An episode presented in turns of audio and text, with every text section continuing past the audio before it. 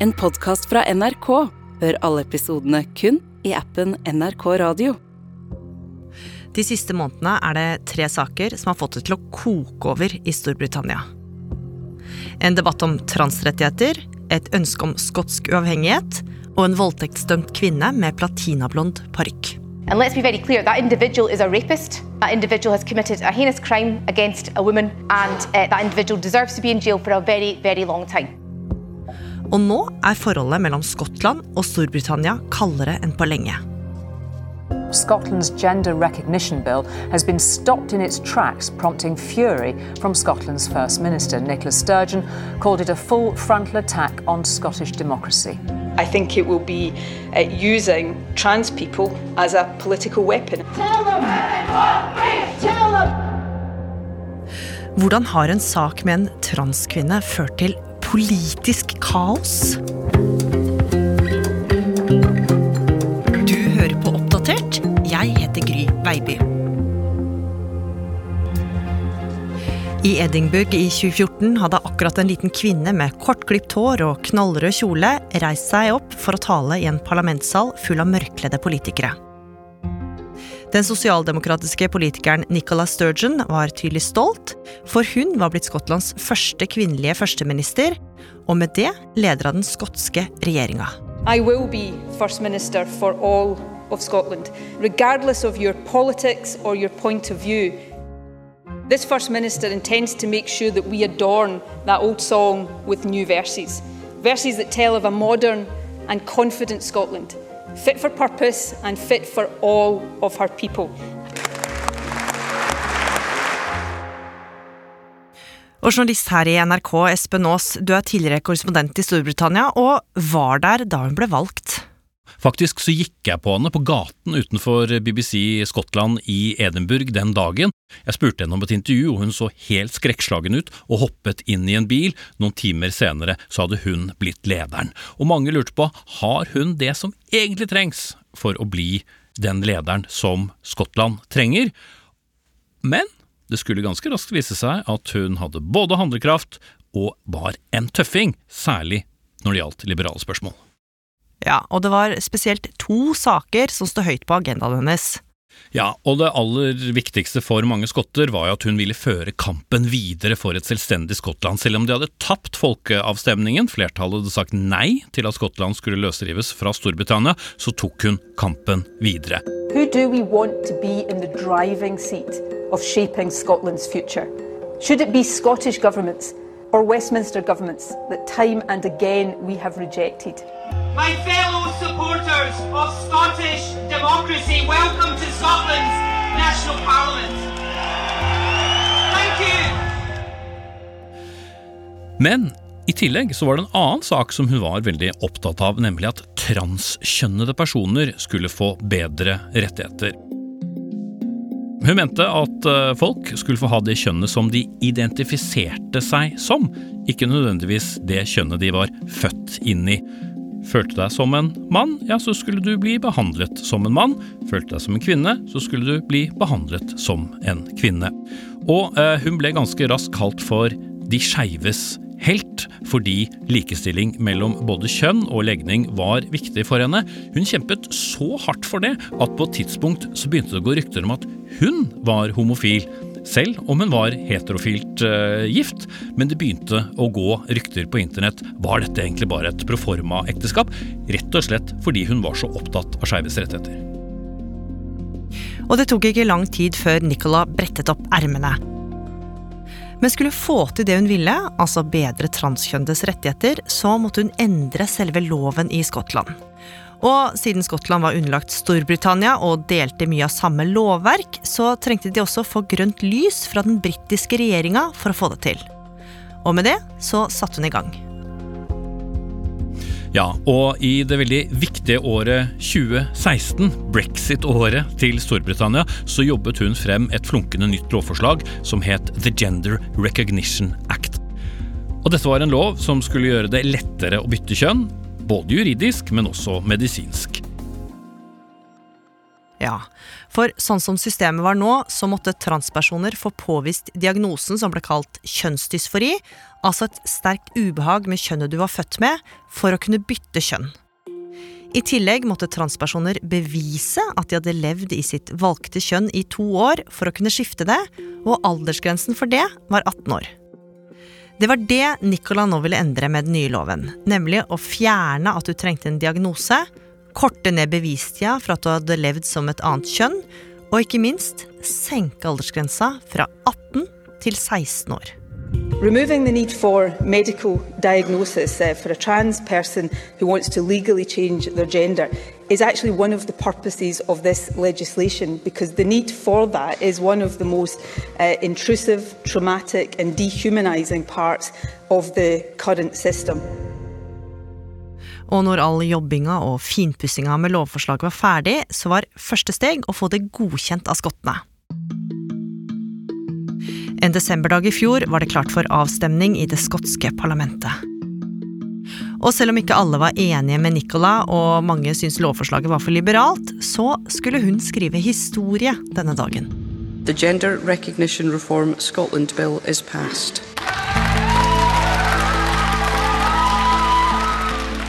Og forslaget det gikk ganske suverent igjennom. Du kunne se på ansiktsuttrykkene, lettelsen og den seieren som var fra det skotske nasjonalistpartiet. Jubel og applaus i den ærverdige parlamentssalen. Det er ikke noe man ser hver dag. I also think it's an important part of my responsibility to make life a little bit easier for stigmatised minorities in our country, to make their lives a bit better and to remove some of the trauma uh, that they live with on a day to day basis. Og Nicola kunne nå klappe seg selv på skulderen. Endelig var den nye loven snart i havn. Det eneste som gjensto nå, var at den britiske regjeringa også sa ja. Og det var jo vanligvis ganske plankekjøring.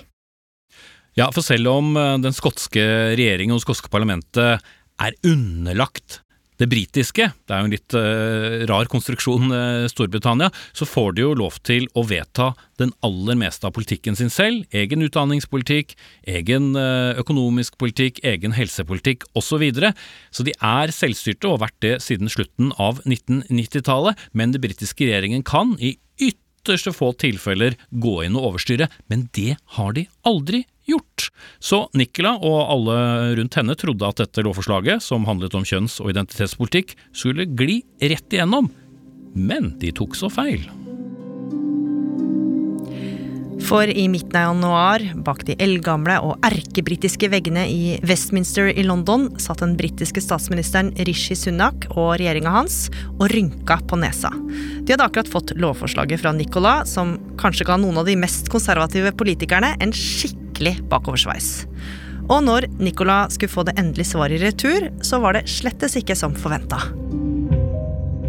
Nei, den konservative britiske regjeringen de satt rett og slett foten ned og brukte noe som heter section 35, som da er en, eh, en sånn nødbrems som de da kan iverksette dersom de mener at eh, f.eks. den skotske regjeringen gjør noe galt. De sa nei, dette får dere ikke lov til å gjøre. Og helt siden Skottland da fikk selvstyre på slutten av 90-tallet, så har de aldri gjort dette, men nå skrev de historie. Og jeg ble veldig overrasket selv da denne nyheten kom, og så bare av alle saker, av alle mulige saker, så er det altså denne kjønnssaken som gjør at den britiske regjeringen overkjører den skotske. For the first time ever, Westminster is vetoing a Scottish bill.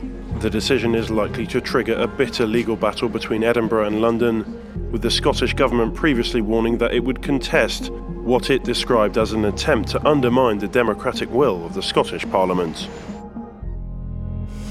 Den britiske regjeringen forklarte det med at avslaget kom fordi de var redde for at det ville skape presedens og ville påvirke identitetspolitikk og lovgivningen i de andre landene i Storbritannia, altså Wales, Nord-Irland og England. Og ikke minst var det veldig stor usikkerhet rundt hva kom da til å skje på offentlige toaletter, treningsrom osv. dersom det holdt med å føle et kjønn, og så få adgang. It's been a long standing standard practice for the UK government to consider the impacts of laws that are passed in the Scottish Parliament on the entire UK. Og avslaget fra London, Espen, det førte til at mange reagerte. Og reaksjonene kom jo på to nivåer. For det første handlet det jo om alle reaksjonene i transmiljøet. Både i Skottland, selvsagt, men også i resten av eh, Storbritannia. Men også det at den britiske regjeringen hadde gått inn og gjort det den gjorde, falt i veldig dårlig jord hos skottene. Det rokket ikke bare ved det mange mente var brudd på transkjønnedes rettigheter, men også deres egen selvstendighetsfølelse. De hadde eget parlament, de hadde egen regjering, men nå skulle plutselig London komme inn og overstyre dette. Og hvis de overstyrte dem i denne saken, hva ble den neste saken? Folk ble rasende, det ble demonstrasjoner, skottene var sinte og mente at den britiske regjeringen var utdatert, konservativ og gikk baklengs inn i fremtiden når det gjaldt identitets- og likestillingspolitikk. The drumbeat of dissent. Screw the veto, say trans campaigners outside the UK government building in Uh, we're here today to support uh, our trans siblings and to call out the absolutely atrocious attack on Scottish democracy by Westminster. Og en av dem som protesterte, var Nicola. Hun var skikkelig opprørt og mente det England nå gjorde, var å bruke transkjønnede i et politisk spill. I tillegg kalte hun det britiske avslaget for et frontalangrep på det skotske demokratiet. In my view, I think it will be uh, using trans people, already one of the most vulnerable, stigmatized groups in our society, as a political weapon, and I think that will be unconscionable um, and indefensible and really uh, quite disgraceful.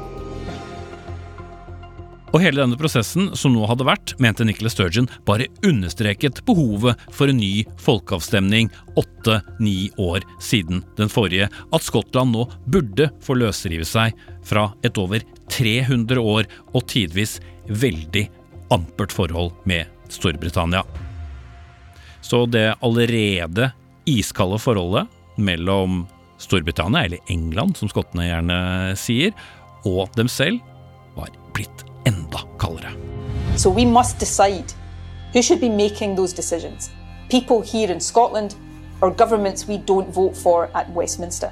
That is the choice we intend to offer the Scottish people in a legal referendum within this term of Parliament. Men mens Nicola sto og langa ut mot den britiske regjeringa og argumenterte for at man måtte bli behandla som det kjønnet man identifiserte seg som, så skulle hun få en helt spesiell sak i fanget. En sak som snart skulle skape store vanskeligheter for henne, og målet om å endre loven. For i slutten av januar i år pågikk det en ganske uvanlig rettssak bak lukkede dører i Glasgows høyesterett. På tiltalebenken satt en 31 år gammel kvinne med platinablond parykk, stramme mørkerøde tights, lange falske negler og en stor tatovering på siden av ansiktet. Hun kalte seg for Ayla Bryson og ble nå dømt for å ha voldtatt to kvinner. En av dem var kona. Men det som var litt spesielt, var at på det tidspunktet da Ayla voldtok disse kvinnene i 2016 og 2019, så het hun ikke Ayla, men Adam Graham. På den tida var Ayla juridisk mann, snauklippa med en ganske røff stil, og gikk ofte med en ring i det ene øyebrynet. Da Ayla som juridisk mann ble anmeldt for voldtektene, mente hun selv at hun var uskyldig, og at det var frivillig og gjensidig sex fra begge sider. Og mye står jo på spill, for med en dom så venta trolig en ganske hard fengselsstraff. Men så, i 2020, noen år før saken skulle opp i retten, tok livet en ny vending for Ayla. Hun fortalte at allerede som barn så hadde hun egentlig ikke følt seg som en mann, men som en kvinne. Nå var tida inne. Ayla endra juridisk kjønn fra mann til kvinne, begynte på hormonbehandling og bytta navn til nettopp Ayla Bryson. Så nå satt altså Ayla i Glasgows høyesterett og hadde blitt dømt for voldtekt, utført som en mann. Men da hun, iført knallrosa boblejakke og en prikkete paraply i hendene, ble fraktet til fengselet for å sone, skulle det vekke sterke reaksjoner. Huge uh, political row, huge ongoing row here in Scotland, uh, trying to answer that question how does the justice system deal uh, with prisoners who self identify as women? For det som nå skjedde, var at Isla Bryson ble fraktet til et kvinnefengsel, noe den nåværende hun den tidligere han skal selv ha bedt om. Og I Skottland så er dette praksis der du skal sone i det fengselet som du føler kjønnstilhørighet til. Ikke det kjønnet du er født inn i, som er praksis i resten av Storbritannia. Så føler du deg som en kvinne, slik Ayla Bryson sa hun gjorde, så skal du også sone i et kvinnefengsel. Men dette ble det bråk av. Flere stiller spørsmål ved sikkerheten til kvinnene i dette kvinnefengselet. Var de trygge når en som var dømt for å voldta og skade kvinner, ikke én gang, men to ganger, skulle sone der sammen med dem? Og kvinnene som Bryson var dømt for å voldta, de gikk nå ut og sa at hun kun skiftet kjønn for at hun ville sikre seg en mildere straff ved å sone i et kvinnefengsel. Og Ayla Brysons tidligere kone sa at hun aldri hadde hørt sin daværende Adam snakke om at han hadde slitt med sin seksualitet eller følt seg som en kvinne da de var gift. Transgender woman is found guilty of raping two women when she was a man. It's a man. It's a man who now pretends he's a woman. No one believes. Look, let's put a picture up. We put a picture up right now of Isla Bryson, who was born Adam Graham. Også pressen kasta seg på og intervjua flere som kjente og visste om Ayla, som sa at kjønnsskiftet hadde kommet på et mistenkelig tidspunkt. Og Ayla fikk ganske hardt kjør i tabloidene. Britiske tabloider er ikke kjent for å være særlig nådige. Hun ble kalt for et monster, og mange mente at hun absolutt ikke skulle få lov til å sone i et kvinnefengsel. Og det ble en vanskelig sak å debattere, det var ord mot ord. Og det kunne jo hende at Ayla faktisk følte seg som en kvinne. Og dette var jo første gang i Skottlands historie at en som hadde voldtatt noen som en mann, ble dømt til å sone som en kvinne, eller transkvinne, da. Og det var en helt ny problemstilling for fengselsvesenet, og det skapte mange vanskelige spørsmål. Derfor krevde folk at noen måtte komme og rydde opp, og denne noen, ja, det var førsteminister Nicola Sturgeon. Og mange var jo veldig spente på hva Nicola selv mente i denne saken, og hva hun ville gjøre. Hun var jo på mange måter blitt transpersonenes forkjemper. Men samtidig så var jo det her en veldig unik sak som hun helt sikkert ikke hadde sett komme, Espen.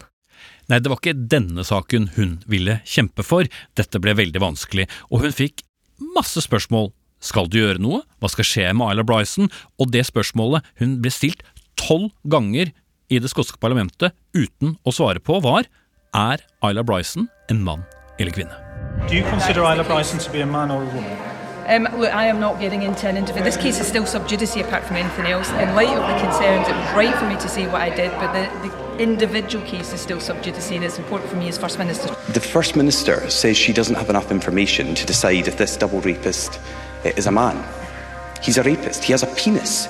What further information can the First Minister possibly need?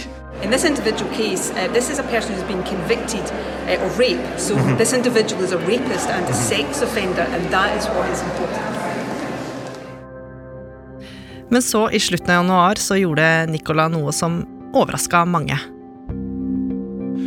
Og Nicholas Sturgeon foretok det som man kaller for en politisk U-sving. Hun sørget for at Isla Bryson ble flyttet fra kvinnefengsel og til et mannsfengsel. Det ble begrunnet med at Tyler Bryson hadde begått den kriminelle handlingen som mann, og derfor så måtte vedkommende også sone i et fengsel med menn. There is no automatic right for a trans woman convicted of crime to serve their sentence in a female prison, even if they have a gender recognition. Every case is subject to rigorous individual risk assessment, and as part of that, the safety of other prisoners is paramount.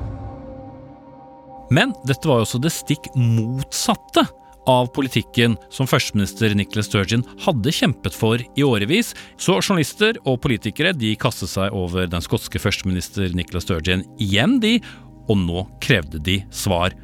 Var hun ikke konsekvent i politikken sin, og mente hun, enda en gang, at Isla Bryson var en mann og ikke en kvinne? Og fortsatt klarte ikke Nicola Sturgeon å svare på dette. Og hennes eh, mange politiske motstandere i det skotske parlamentet sa jo at nettopp dette viste hvor vanskelig loven hennes ville være i praksis. This scenario is exactly what I tried to stop during the passage of Nicola Sturgeon's Gender Recognition Reform Bill. And even with the flawed bill in limbo, violent criminals are exploiting the system and putting vulnerable women at risk. Og forrige uke, 15. februar, skulle Nicola gjøre noe som kom bratt på mange. Hun kalte inn til pressekonferanse, og iført en knallrød dress stilte hun seg opp foran kameraene.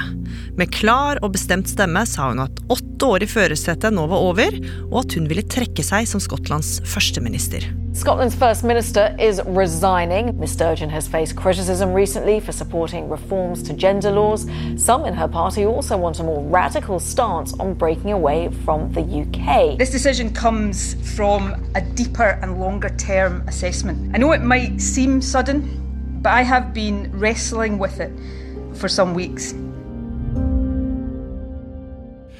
Dette var noe Nicola Sturgeon sa hun hadde tenkt på lenge. Uh, hun tok jo over denne jobben i en veldig vanskelig tid for partiet. De hadde akkurat tapt sin viktigste sak, folkeavstemning om et uh, uavhengig Skottland. Så uh, kom brexit, som hun var veldig imot, og så hadde hun et veldig anstrengt forhold til de aller fleste britiske statsministrene. Og så var det jo selvfølgelig den siste tids eh, debatt om eh, transkjønnede og om straff, og selv om den ikke var kanskje saken som gjorde at hun trakk seg, så hjalp det neppe på motivasjonen hennes til å fortsette. Det her er jo en veldig vond og vanskelig sak, Espen. Hva har den gjort med debatten rundt identitetspolitikk i Skottland og Storbritannia? Mange vil jo si den har kjørt den helt i grøfta. Eh, mange syns det er en tragedie at en sak som Ayla Brysons, en person som har voldtatt og gjort grusomme ting mot kvinner, også er den saken som oftest diskuteres i forbindelse med transkjønnedes rettigheter. Det var ikke dette det skulle handle om. Det skulle handle om at det skulle bli lettere å skifte kjønn, lettere å få være det kjønnet du identifiserte deg med. Eksempelet som på mange måter ødelegger for debatten, ødelegger for rettighetskampen, samtidig som den jo i aller høyeste grad har vist hva slags vanskelige spørsmål du står overfor når du endrer en sånn lov. Det var her politikk møtte praksis i døra.